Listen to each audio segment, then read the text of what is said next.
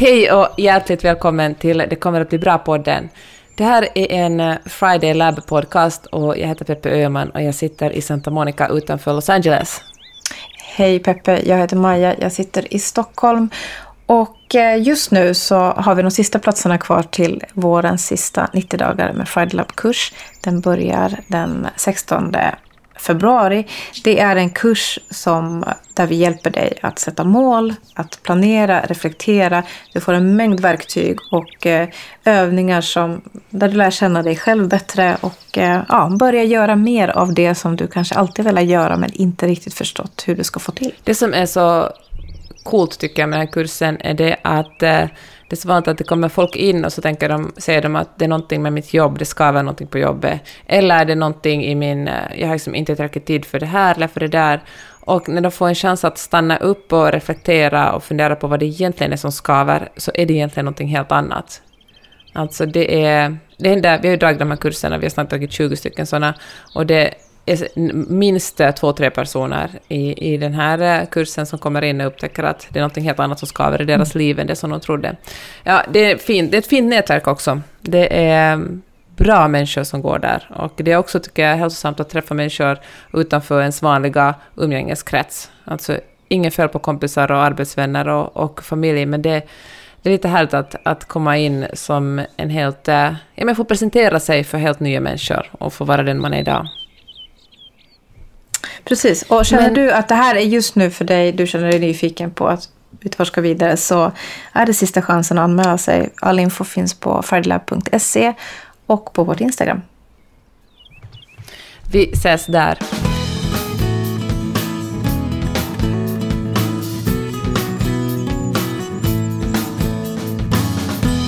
Uh, Maja, en stor del i att fundera på vad man egentligen tycker om handlar ju om att bara ta sig tid att göra det. För att vanligtvis är det ju så att vargen bara malar på, eller inte ens malar på, det går så fort att man knappt hinner andas. Jag känner verkligen att det är som man på engelska säger, att man hit the ground running nästan varje morgon. Bara stiger upp mhm. och sen bara fixa, fixa, fixa, fixa, liksom släcka bränder, se till att barnen kommer till skolan, här ska man dessutom laga lunchboxar och allt möjligt annat. Och, eh, och sen börjar det möten, jag bor ju här i LA och då vill jag ha möten med alla som bor i Norden ungefär innan klockan 12, då är klockan är klockan så nio på kvällen. Och efter, mm. efter klockan tolv hos oss, nio hos er, då känns det oartigt att prata med någon annan än dig, Maja. Mm. Och, eh, och sen är det småningom dags att, att eh, skriva lite och hämta barnen och så plötsligt en dag gått igen. Och mm. jag märker själv att när det är någonting som... Är jag, om jag, har, jag prioriterar ofta bort att bara fundera på vad jag egentligen tycker är kul. Och, då tyck, och den här kursen är så bra, för att när, jag, när du och jag drar den, då får jag också en chans att, att själv pausa lite och fundera på vad jag håller på med. Alltså vad vi gör och vad jag säger till varje grupp som startar är att den enda önskan jag har, jag blir jätteglad när folk får stora insikter och kommer på saker som de kanske har gjort tidigare som de inte har värdesatt eller liksom firat. Eller man kommer på något, något fantastiskt nytt mål som man ska uppnå. Det är toppen och det gör mig väldigt glad. Men det som gör mig allra gladast är när, när jag, våra deltagare säger efter tre månader att de har fått till en, en rutin där de sätt prioriterar sig själv högre. Alltså de, de ger sig själv tid. De ger sig själv tid att göra de här övningarna som vi erbjuder. Men också det att de, de får varje vecka identifiera någonting de ska testa. Och det kräver ju också att man fokuserar om lite. Oavsett om det handlar om att, att testa att meditera tre minuter eller yoga lite eller ta en promenad eller någonting annat. Eh, så prioriterar de upp en handling som har med dem själva att göra. Och när det lyckas och man ser den positiva effekten av det, det gör mig allra, allra gladast. Och man behöver verkligen inte gå vår Friday Lab-kurs för att göra det här. Det är bara lättare att göra det i ett sammanhang. Men man kan ju verkligen själv också helt enkelt boka in stunder för reflektion en gång i veckan. Men Mm. En stor del i att... Eh, Supersvårt kan jag säga Peppe, för nästan allting det vi gör i Friday Lab är ju sånt som vi själva saknar. Ja, faktiskt. Eller hur? Och det, det, blir ju så, alltså med att fördjupa sig i olika ämnen eller att, att ta sig tid för kreativitet eller att stanna upp och sätta mål eller reflektera. Det är saker som är lätta att göra när det finns en tid, en plats och ett sammanhang. Ja. Och det är det vi har skapat både med våra kurser och våra community. Det är ju de här delarna. Eh, och att kunna dela det med andra och också se, att få andras bekräftelse på att det här är viktigt. inte bara för mig själv utan för hur jag mår och hur jag påverkar människor omkring mig. Eh, så ganska egoistiskt också. Ja. ja, men det är så vi jobbar, Maja. Jag läste en så intressant text i Harvard Business Review som handlar om beslutströtthet. Alltså hur... Eh, ja, men det finns eh, så många alternativ hela tiden. Och då menar jag allt från att välja vilken film man ska kolla på på Netflix eller någon annan av dem. Alltså jag tror vi har säkert sex, sju stycken olika så här streaming services här. Först ska man välja vilken, man ska titta, vilken av dem man ska välja. Och sen när man har valt en så ska man bara okej vi kör Hulu och så börjar man bläddra igenom alla. Så ska man välja är det tv-serie eller film vill säga, så ska man välja bland dem. Alltså, och det gör en ju helt matt. Och, och i den här artikeln stod det att, eh, att ha så här många alternativ är helt för stressigt för en stackars människohjärna. Alltså vi mår inte bra av att ha så många valmöjligheter. Det är ju liksom samma sak, alltså nu var jag för, um, blev ihop med Magnus för tidigt för att kunna gå med på Tinder, men att, att de, alltså datingappar är väl ungefär samma sak. Det finns helt enkelt för många alternativ, och när det finns jättemånga alternativ får man känslan av att det här är kanske inte det ultimata beslutet. Alltså det här är kanske inte det bästa valet. Det finns alltid någonting ännu bättre bakom hörnet, så jag tar ett swipe till, eller jag kollar, liksom, jag kollar Netflix ett varv till, för det kanske kommer någonting bättre. Och det gör oss jättestressade. Och jag tycker det är så spännande, för på något sätt har man, vi vuxit upp i ett... Eller jag har vuxit upp med en uppfattning om att, att, att ju fler val som finns, desto bättre är det. Men eh, tvärtom gör det oss bara trötta och lite ledsna och har svårt att vara helt lyckliga när vi väl fattar ett beslut. Eller ofta är man ju faktiskt det, men att det är så, resan dit är väldigt, väldigt svår. Och så tänker jag att vi inte riktigt, vi är inte alltid beslutsförda. Vi är inte alltid så i bra lägen att fatta beslut och då blir det ännu sämre. Så jag gillar ju så här gruppbeslut, att man, man fattar några grundbeslut som är giltiga för en viss tid. Så att man inte behöver hela tiden fundera samma här. Alltså, vad det är man ska göra. det var verkligen Eller vilket beslut man ska fatta. en aha-upplevelse för mig att eh, börja med att sätta någon slags ramar. Det behöver inte vara ramar som håller tills man dör, utan bara tills vidare ramar, tills, tills man bestämmer sig för att ändra dem. Men det, för mig var det till exempel en, en aha-upplevelse hur, lätt det, att, att, hur mycket lättare mitt arbetsliv blev när jag bestämde mig för vilka uppdrag jag ska tacka ja till och vilka jag ska tacka nej till. Istället för att gå igenom den samma beslutsprocessen varje gång och vara så här, vänta, är det här tillräckligt betalt? Är det här, hur mycket, hur mycket kommer det att vara värt det? Då bestämde jag mig för den här sortens, eh, rent konkret var det så här, att uppdrag som bara inte kommer att leda till andra uppdrag, eller som bara en liten plupp liksom, som är typ eh, 3000 spänn här, som är kanske två dagars arbete, genast nej på det. Uppdrag som kanske är lika mycket betalt, men som kommer att ge ännu mer betalt, ja på det. Alltså, det sparar åt, känner också enormt mycket tid att veta vad jag tackar ja till och vad jag tackar nej till. Men det kan ju också vara så här ja, att eh, jag är alltid ledig på fredagen. Jag bestämmer mig för att aldrig ha någon möten på fredagar. Och då någon föreslår att ses på fredagen, eller liksom ha ett arbetsmöte på fredagen, då kan jag genast säga nej, det går tyvärr inte, istället för att sitta och fundera på att äsch, jag lovar ju mig själv att inte ha möte, men jag kanske ändå ska ha det här mötet. Utan det bara... Alltså jag tycker det är, det är så skönt att leva inom ramar. Det hade jag aldrig trott för, att, liksom, att ramar och rutiner ska vara någonting. Men visst är det underbart? Det är underbart. Och jag tänker det är så många bra saker. Alltså du sa här, tv-serier. Sämst på att titta på tv. Och det här är en av orsakerna till att jag är sämst. För att det finns för mycket att välja mellan. Nu ser jag riktigt längtar jag efter att börja titta på en ny serie. För att eh, jag fick ett tips. Jag lyssnade på någon podd, kanske eventuellt flera poddar som pratade om samma serie som jag nu inte minns vad den heter. Snackade med min man och konstaterade att han ville också se den. Eh, så nu har vi liksom bestämt att det här är vad vi ska se när vi nästa gång har möjlighet Ja, se på tv samtidigt. Eh, Det känns otroligt skönt. Och, eh, och det här med fredagar också. Att, inte, att ha ett beslut att fredagar ser ut på ett visst sätt. Då vet man att det är så det är så det gäller. Alltså så är det. Man behöver inte. En annan grej, jag som inte är så superförtjust i träning har upptäckt att jag har faktiskt tränat flera månader nu. Regelbundet. Och det beror ju på att jag bokar in det i min kalender. Mm, just det. Mm. Och det är bara jag. Jag tränar inte tillsammans med någon annan. Men det är blockat i min kalender så ingen kan boka, boka tid med mig liksom tidigt de dagarna som jag tränar på morgonen. Så jag hittar liksom inte så här ursäkter som att ah, men det blir så bråttom till det här första mötet. Nej, men det första mötet är inte när första möten är, utan det är först senare. Mm. Och, eh, och då har jag bestämt att nej, men det är de här två dagarna. Och då har jag liksom tagit bort beslutet. Beslutet gjorde jag när jag planerade min vår, om man säger så. Vet du, det där tycker jag är så spännande, för jag har, jag har varit en person som tycker att rutiner är någonting att förakta och att ramar liksom hämmar kreativiteten, men det är ju verkligen precis tvärtom. Så fort man får en ram, typ eh, om någon säger så här, skriv en artikel om vad som helst, får jag panik. Va? Mhm. Det är för att allt är möjligt. Sen någon så här, skriv en artikel om en eh, bra filmskapare i Los Angeles. Huh, ännu bättre, skriv en bra artikel om en, om en eh, svensk eller en finlandssvensk eh, filmskapare i Los Angeles. Ännu mindre. Och då är det mycket lättare att vara kreativ, för liksom, så, alltså det, det är så, det är på något sätt heter det, kontraintuitivt att rutiner och ramar ska ge en mer kreativitet. Men jag tror det faktiskt gäller både när man skapar någonting men också helt i vardagen. Att man vet när vissa saker händer. Att det inte alltid kommer som en överraskning. Och jag tänker att inom de här rutinerna, till exempel så här när jag ännu bodde i Helsingfors så brukar jag vara noga med att försöka gå, alltid gå en annorlunda väg till jobbet än den jag hade tagit dagen innan. För att jag tyckte det var så tråkigt. Det här var faktiskt innan man började lyssna så aktivt på poddar. Jag antar att nu för tiden man har en podd i öronen så är det kanske stor skillnad hur man går. Det sätter man bara på autopiloten. Men jag tyckte det var så roligt. Och eh, det är ju en, en, en kreativ lösning som man kan ha om man vet att man ska gå till jobbet varje dag. Då är det ju en rutin, men man kan liksom vara kreativ och eh, på något sätt improvisera inom den rutinen. För jag tänker att om allt är möjligt hela tiden, ja, herregud, om man varje morgon ska fundera, ska jag ens gå till jobbet? Kanske lite så här som det är nu när det har varit med restriktioner, när man varit tvungen att bestämma sig för ska jag jobba hemifrån eller ska jag jobba från jobbet.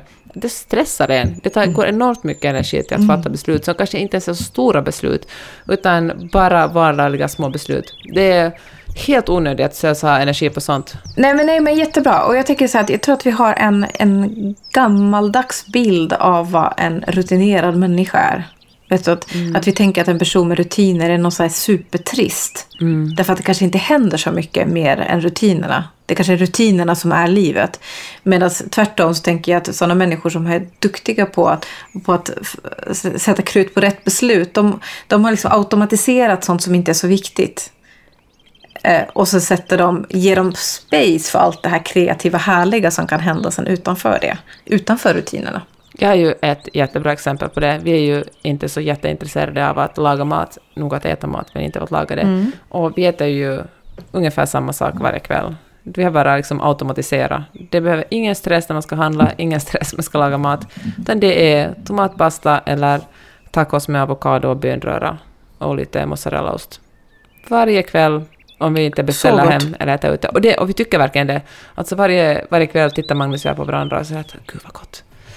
Ja, ett, det är ett kanske för många radikalt sätt att automatisera livet, men hos oss funkar det väldigt bra. Jag skulle behöva, fast jag är inte säker på att jag vill, alltså just det där med middag, det, det tänk, för det är en, ett utrop för kreativitet, matlagning, för mig. Så där vill jag gärna hålla kvar den.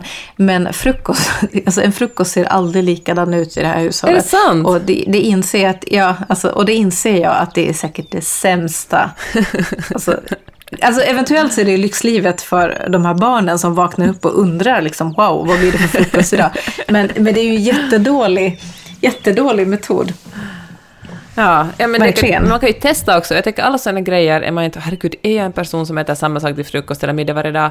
Alltså, det vet du inte förrän du testar. Tänk så att nu testar jag det här i två veckor. Nej. Och märker man att det här är inte min grej, nej men bra, då har man lite mer information under bältet och kan testa någonting annat följande vecka. Alltså, det finns något väldigt trösterikt tycker jag att de allra flesta beslut går att göra om. Man bara, okej, det här var inte så bra, då korrigerar jag det, men nu vet jag i alla fall. Att ha sådana här liksom grundbeslut.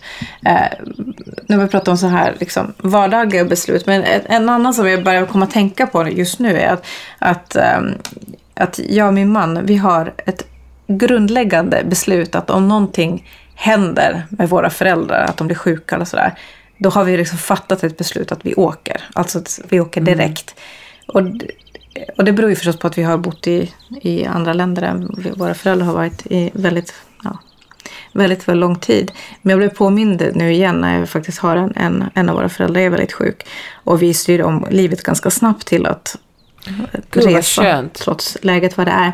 Men, men att jag blir påmind om att just det, att det här är... Vi har ett inarbetat system, hur hemskt det än låter. Att man blir inte att fundera. Det är väl jättebra. Och det, det kan låta är, självklart. Nej, men om man är ledsen och chockad och liksom allt är upp och ner, det är otroligt skönt att veta hur man ska gå tillväga. Precis, och jag tycker att men det, kanske man känner så att nej, men så tänker man alltid. Men jag tror inte att man alltid gör det. Utan jag har också haft många vänner på nära håll som har haft samma situation. Och kanske just vänta på att någon annan ska fatta ett beslut mm. åt en. Eller någon ska be en åka. Eller att man väntar på att någonting ska hända externt för att man ska komma till ett beslut. Mm. Just det. Ja, det... Att, att bara ha, ha ett grundbeslut som säger att man åker. Men det där är jätteintressant det samma, att man väntar på att det ska komma en, en, extern signal eller någon annan utifrån ska säga hur man ska göra. Det är ju jätteskönt. Alltså, för då känns det också som att man eh, inte har helt ansvaret för vad som händer. Om någon annan fattar ett beslut, då mm. kan man, då man säga att ja, men jag gjorde bara som hen sa.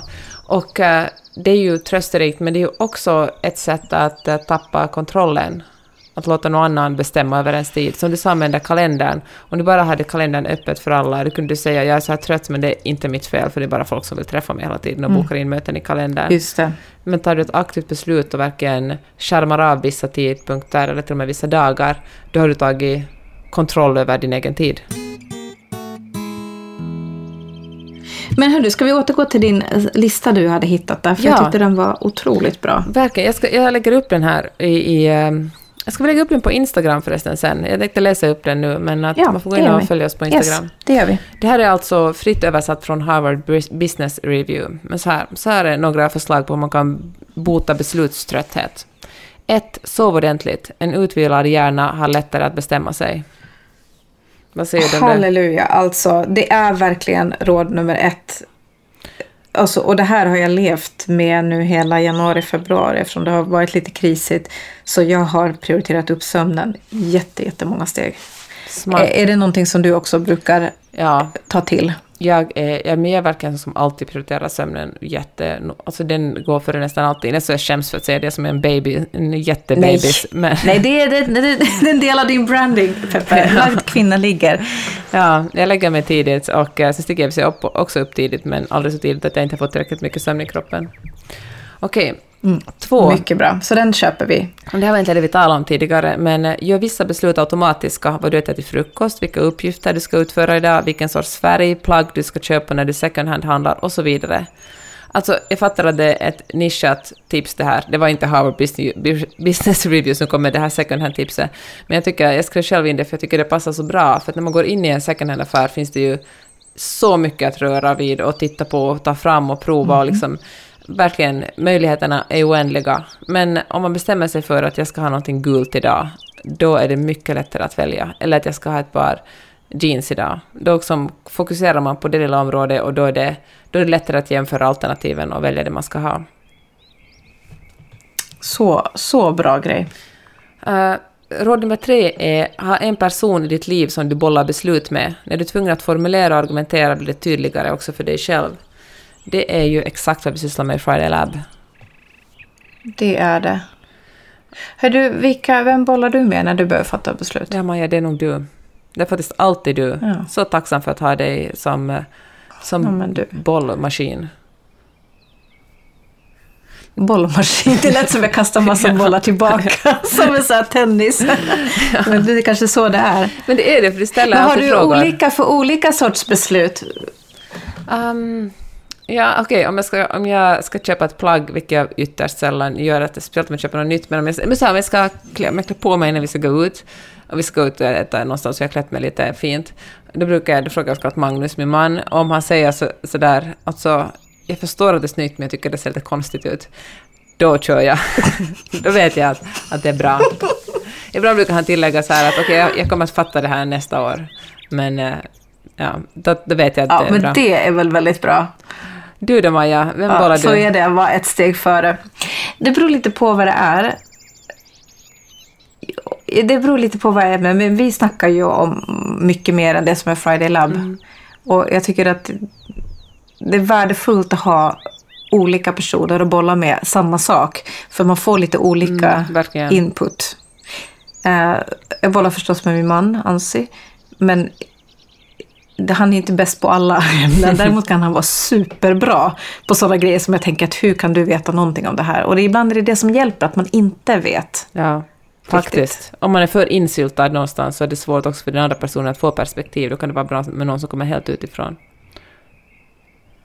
Men sen tycker jag också det är intressant att nu till exempel så håller jag på med ett projekt där jag har bollat med två Friday-labbare, bara det specifika projektet. Det har också varit jättevärdefullt för att de är ju inte inne i min hjärna och tänker. Och dig har jag pratat med, jag har pratat med min man, jag har pratat med vänner. Men, men att få ett helt eh, annat perspektiv på en sak. Så jag tycker att man ska våga kanske fråga om man kan få bolla mm. en idé med människor som man tycker verkar bra.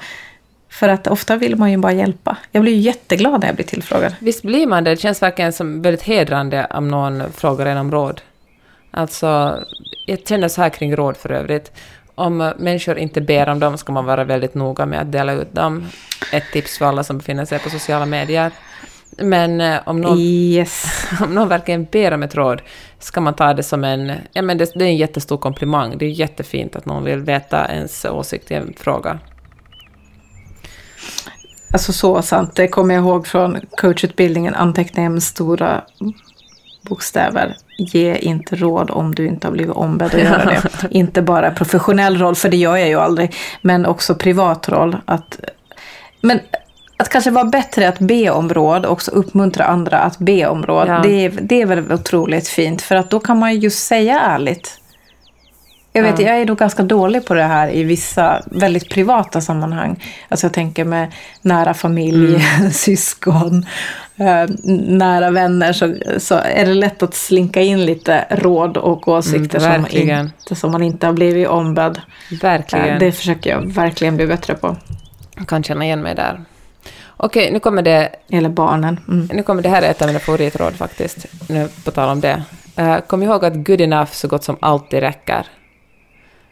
Det, alltså jag tycker ja. det är så skönt, för så är det. Det finns ingenting som är perfektion. Alltså ingenting är perfekt. Jag tänker på vad man än håller på med. Till exempel skriver man ett bokmanus tror man verkligen att man aldrig är färdig. Någonstans på vägen måste man tänka nu är det här good enough. Och good enough betyder verkligen inte att det, betyder, att det är halvdåligt eller halvbra. Good enough har ordet good i sig.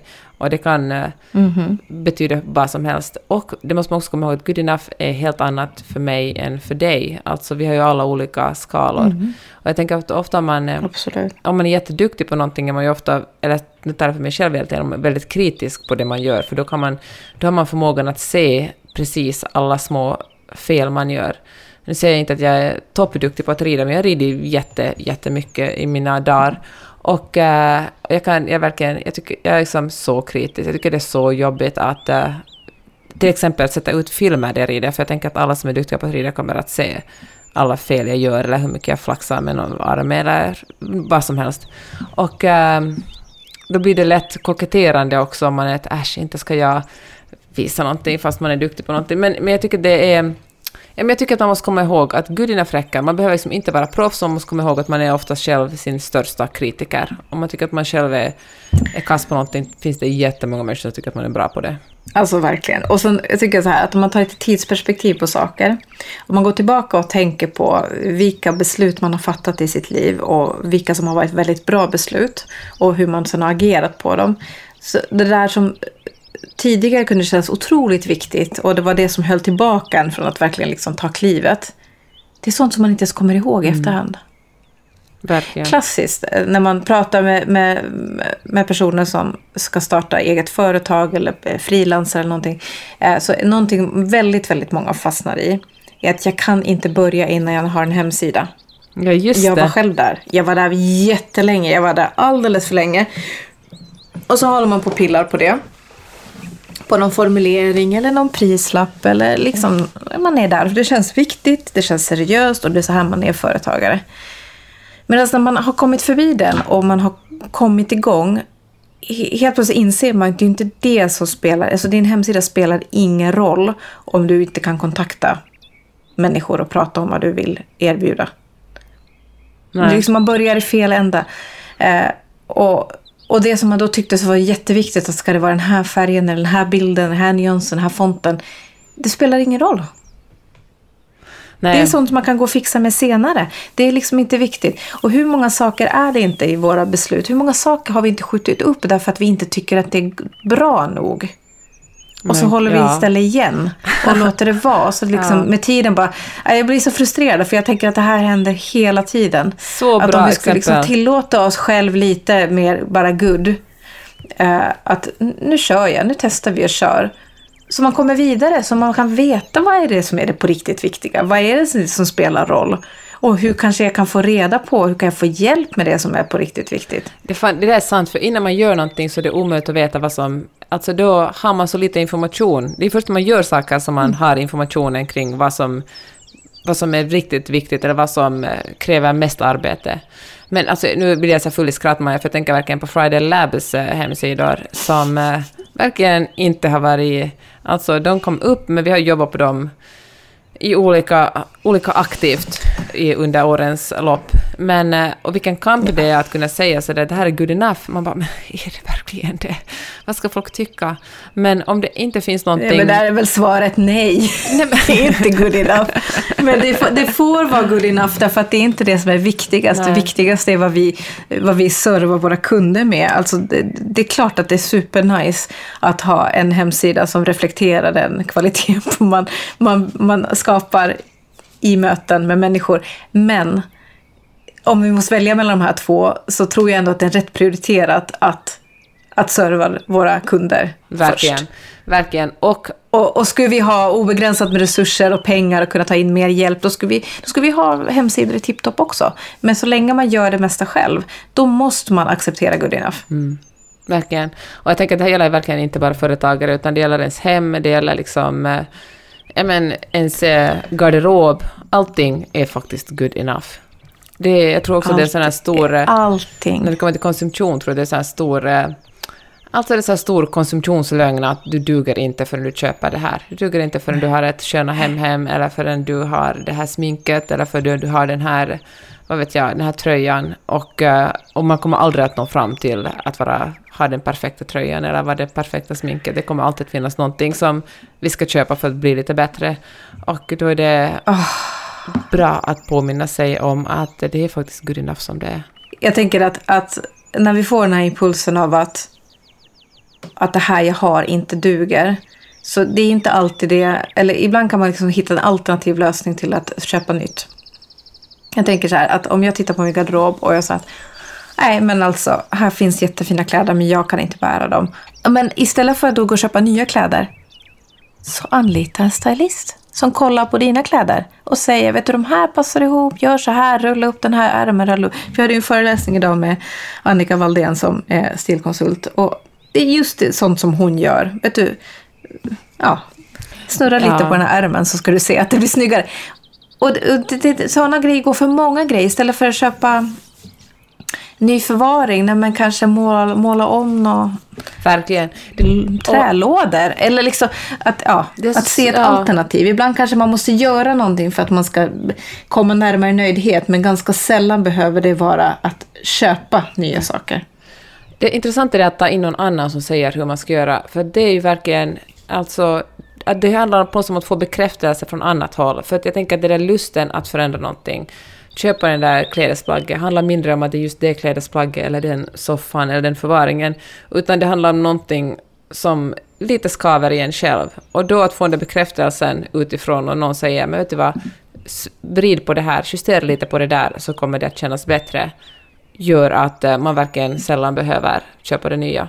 Dessutom, att nu blir det här liksom, eh, Precis. nu blir det här klimatpodden, men jag tänker också säga det här, att eh, det är fan, alltså varje gång, för varje år som går köper jag allt mindre nyproducerat, men varje gång jag gör det så känner jag, alltså det är någon slags så här baksmälla efteråt. Alltså jag känner mig, det känns sällan bra, jag skäms alltid lite när jag har ett, ett nytt plagg. Alltså borderline det skäms när jag köper någonting second hand nu för tiden också, det har gått så långt. För att eh, jag fan behöver aldrig det. Jag köper det bara för att det är någonting annat i mig som vill ha det. Och då är det ju alltid bra att måste jag kasta pengar på någonting så är det ju mycket hellre att kasta pengar på en tjänst som en stylist eller en coach eller någonting som är annat än att köpa en ny liksom glansig, glansig sak. kommer nu det allra sista i listan. Ta det lugnt. Är det ett riktigt viktigt beslut, försök lägga det åt sidan för en stund och återvänd med färsk hjärna. Och, uh, för, alltså den funkar ju alltid. Ja, för man går ju vilse ibland. Eller hur? Man bara, det bara snurrar och snurrar och snurrar och då hittar man liksom ingen utväg för att man, man är för insyltad i sina egna tankar. Och då är det, ja men faktiskt, behöver jag verkligen det här? Måste, det är få beslut som är sådär riktigt, riktigt akuta. Det är klart att det finns sådana också, men de flesta kan vänta en liten stund. Mm. Det, det, har jag märkt att, att, när jag går i mitt huvud går i spinn och då får jag inte ens syn på vad det är för beslut som ska fattas. Mm. Det blir så rörigt. Mm. Då brukar jag alltid göra en braindump och bara liksom skriva ner allt som snurrar för att hitta de där besluten. Och, och bara liksom eh, papper och penna, men det kan lika bra vara att man berättar för någon annan. Att man bara spjälkar upp det. Att okej, okay, det här är ett beslut, det här är ett icke-beslut, det här är ett senare beslut, det här är ett akut beslut. Så att man ser vad det handlar om. Och sen fundera. Vi har gjort ett sånt där beslutsarbetsblad. Vi tänkte vi skulle lägga upp det på Friday Lab Academy dit, eh, ja, dit man kan helt gratis gå och bli medlem och få tillgång till det här. Eh, det handlar ju liksom om att bara skriva ner, alltså vilket beslut är det som ska fattas nu? Mm. Vem är det som ska fatta beslutet? Är det jag eller tillsammans med någon annan? Det, påverkar mitt beslut någon annan person som jag behöver ta hänsyn till? Ja. Och sen fundera på att vad är det jag behöver veta då för att komma fram till det här beslutet? Och sen liksom förtydliga och fatta beslut. Ja. Just det här är ett jättebra, en jättebra övning för mig, för jag har en tendens att uh, vara lite för snabb i besluten. Det, det finns människor som bara kan, okej, okay, jag hänger ut min syster. Hon kan verkligen gå och fundera på ett, en sak. Hur? Bera, Igen! Alltid syrran. Men uh, ja. alltså väga för och nackdelar, vilket är smart alltså. Hon har stenkoll. Hon liksom läser på allt som går att läsas på och liksom funderar och, och liksom jämför och tänker. Men jag tycker det och jag, jag, tror att hon gör det delvis också för hon tycker att det är lite jobbigt med beslut. Fan, vi tycker väl alla att det är lite, lite jobbigt med beslut. Och, eh, och, och så känner jag också, men min, jag är liksom den totala motsatta som min syster, för jag fattar ett beslut nästan lite för snabbt. Jag vill liksom bara att det ska vara överstökat. Jag bara, äh, fan vi gör så här, det blir säkert bra. Och oftast blir det bra, men det händer också att det kanske skulle ha varit gjort ganska gott för det beslutet om det hade fått vila en liten stund och, och jag hade liksom tänkt igenom det en extra gång. Nej, men det gäller ju att känna sig själv eh, som beslutsfattare. Jag, jag, är nog lite som du också, ganska, ganska snabb. Men jag har också tänkt på det här med att hur beslut känns. Eh, mm. Liksom, du pratade om magkänsla tidigare när vi snackade om det här. Ja, men jag tänker det, när man snackar om magkänsla och intuition, då är det många sådär, men fan, tror du på horoskop också? Och jag vill verkligen till magkänslan och intuitionens uh, försvar kan man säga att jag tror att det mest handlar om att vi som människor samlar på oss jättemycket information hela tiden. Allt som vi har upplevt och känt finns någonstans inne i oss. Och jag tror att den där... Eh, och trots att vi kanske inte aktivt kan komma på ett visst minne när vi har gjort motsvarande beslut eller blivit behandlade på ett motsvarande sätt eller liksom konfronterats på samma sätt, så tror jag att det finns någonstans inne i oss. Och när, man, när magen är sådär... Mm, vänta lite, är det här verkligen rätt? Så... Mm är det lätt att ignorera det och tänka att det kanske bara för att jag inte har ätit idag. Men det kan finnas en poäng att det är någon slags eh, kunskap som kroppen försöker trolla fram. Jag har ett exempel, mm. alltså en ganska liten grej, men jag jobbar för en eh, för vad vi vet som är ett mediehus kommer jag säga, jag tycker ni alla ska följa det, det är jättebra, förklarar sammanhangen i nyheterna och uh, förklarar helt enkelt varför är det karneval, vad, håller, vad händer vid ryska gränsen, varför är det, ja men allt möjligt. Och jag la ut en bild häromdagen och bildjournalistik är ju lika viktigt som, eh, som text. Och när jag la ut den kände jag, nej det här var inte riktigt bra. Alltså det, här, det kändes inte riktigt bra den här bilden. Men, eh, men jag hade fått som uppdrag att lägga ut den och jag var så att men jag orkar inte fatta det här beslutet, någon annan har fattat det för mig så jag bara lägger ut den. Och mm -hmm. det var en, en, bild som var lite sexualiserande, om man såg med fel ögon, alltså det var, den var lite sexualiserande. Och, men jag, liksom, jag bara lät det gå. Och äh, efteråt fick vi, alltså folk klaga på den, tyckte inte den var passande, vilket var helt sant. Det var liksom ingen katastrof, men det var inte helt okej okay, den bilden. Och nu efteråt mm. tänker jag, om jag bara hade lyssnat på den där mm. gnagande känslan i magen, gjort något så enkelt och valt en annan bild, hade allt varit bättre. No biggity, men ändå en påminnelse om att, att magkänslan ofta har rätt. Men hör du, vad, vad betyder det då framåt när du hamnar i samma situation nästa gång? Ja, men kanske att inte ha så bråttom och kanske verkligen lita på magkänslan. För ofta när man har, upplever så här att ofta man har, när jag har gjort det verkligen tänkt att varför känner jag så här? Verkligen stanna upp och tänkt, varför känns det här olustigt just nu? Eller också, varför känns det här helt rätt? Och, liksom, och sen fatta ett beslut. Hade, alltså känslan efteråt har ofta varit jättebra. Det har oftast blivit rätt beslut. Mm. Istället för att bara liksom skynda iväg och bara få det gjort och liksom ignorera den där lilla pipet liksom bakom ena lungan som säger ”vänta lite”. Mm. Hur, vad har du varit med om något motsvarande? Verkligen. Eller känner du igen dig i det här? Nej, men jag tänk, ja, men jag känner igen det och jag tycker att, att när man har haft så här knivigt beslut eh, som man har liksom dragit sig för och, och som, känns, som känns jobbigt helt enkelt. Så när man väl fattar det och det nästan det blir liksom helt oviktigt efteråt. Mm, just det. Att det känns helt självklart efter. Att, då, då är man så att ah, men det var ju verkligen rätt beslut. Det där är så intressant. Sånt som man verkligen har gått, man har gått Ja. dagar, till veckor och varit stressad över. Och varit så att, ska- Eller att det har varit skavigt sådär att man inte riktigt vet hur man ska vända sig. Så den, den känslan är ju otroligt skön. Men Ja. så tänker jag också att bara för att man inte får en bra känsla efter ett beslut behöver ju inte alltid betyda att man har fattat fel beslut. Utan det kan lika mycket handla om att, att det beslutet kanske inte är lika... Det kanske inte är enkelt. Det kanske inte är... Jag tycker att ofta värderingsdrivna beslut som kan kännas otroligt bra efteråt när man har liksom hittat rätt. Du, Man har, man har ja. fattat beslut enligt ens grundvärderingar och då blir det självklart. När det är klart så känns det bra. Medan det behöver inte vara att man har gått emot sina värderingar. Utan ibland är man ju bara i situationer där man behöver fatta beslut där inget beslut egentligen är ett bra beslut. Och då, då är Ja. det klart att det känns efteråt också. Det var två saker som jag tycker var jättebra. För det första är det där med, som du sa med värderingar, att eh, om man vet, känner till sina egna värderingar är det ju mycket lättare att, att fatta beslut. Som en sån sak som, eller man har ett företag som du och jag, Maja, vi pratade ju om att Friday Lab, vi jobbar med hållbarhet, och både rent liksom klimatet, men också hållbarhet, eller främst hållbarhet för människor. Man ska må, må bra och leva ett hållbart liv. Och då är det inte hållbart att sitta klockan 10 eller 11 på kvällen och skicka ut mail till folk. Och eh, vi måste, vi måste kunna signalera de här värderingarna, då kan inte vi heller sitta och jobba så sent eller jobba alldeles för mycket. Om vi samtidigt, då blir det någon slags kognitiv dissonans om vi sitter och föreläser om hållbarhet men inte själva gör det. Men en annan sak tänker jag, det här pratar vi också om i 90-dagarskursen förresten, man får liksom tid att verkligen identifiera vad, sina egna värderingar. Alltså feminist, antirasist och på vilket sätt det tar sig uttryck i vårt, ens vardagliga liv. Alltså en massa sådana saker som gör det lite lättare att fatta beslut. Fan, nu tappade så var det något annat som du sa som också... Just det där, att eh, det kanske inte känns superbra alltid efter ett beslut. Och, och som sagt, och det handlar ju om att det inte finns några helt rätta eller helt fel beslut. Alltså, allt ligger på en skala. Ofta, ibland finns det jättemånga rätt beslut. Och eh, då är det bara, då ska, och då är det ju onödigt att man liksom bara är besatt av att fatta det rätta, för det, finns, det går inte att hitta det rätta för det finns så många rätta. Ibland finns det flera felbeslut. Och oftast är det faktiskt inte hela världen, för att när man märker att oj, det här var fel beslut, då kan man fatta snabbt ett nytt beslut som blir rätt. Alltså, det är väldigt sällan som ett beslut är väldigt svartvitt eller väldigt dramatiskt och inte går att, att backa ut från.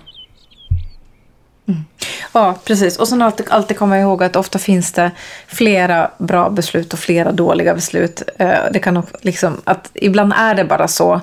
Och det, man kan inte veta exakt vad. Man får helt enkelt göra det bästa man kan med den informationen man har. Och ibland behöver man bara komma till det där beslutet för att kunna gå vidare. Trots att det inte känns hundra så har man ändå fattat ett beslut och man traskar på och blir lite klokare med åren.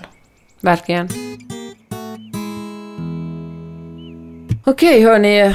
Alla ni som inte har gått 90-dagarskursen och uh, lyssnar på den här podden, gör det. Gå in på fridaylab.se och eh, gå också in på Friday Lab Academy, för där lägger vi upp eh, den här övningen för beslutsprocesser. Det gör vi. Och eh, den är faktiskt väldigt kul och väldigt nyttig.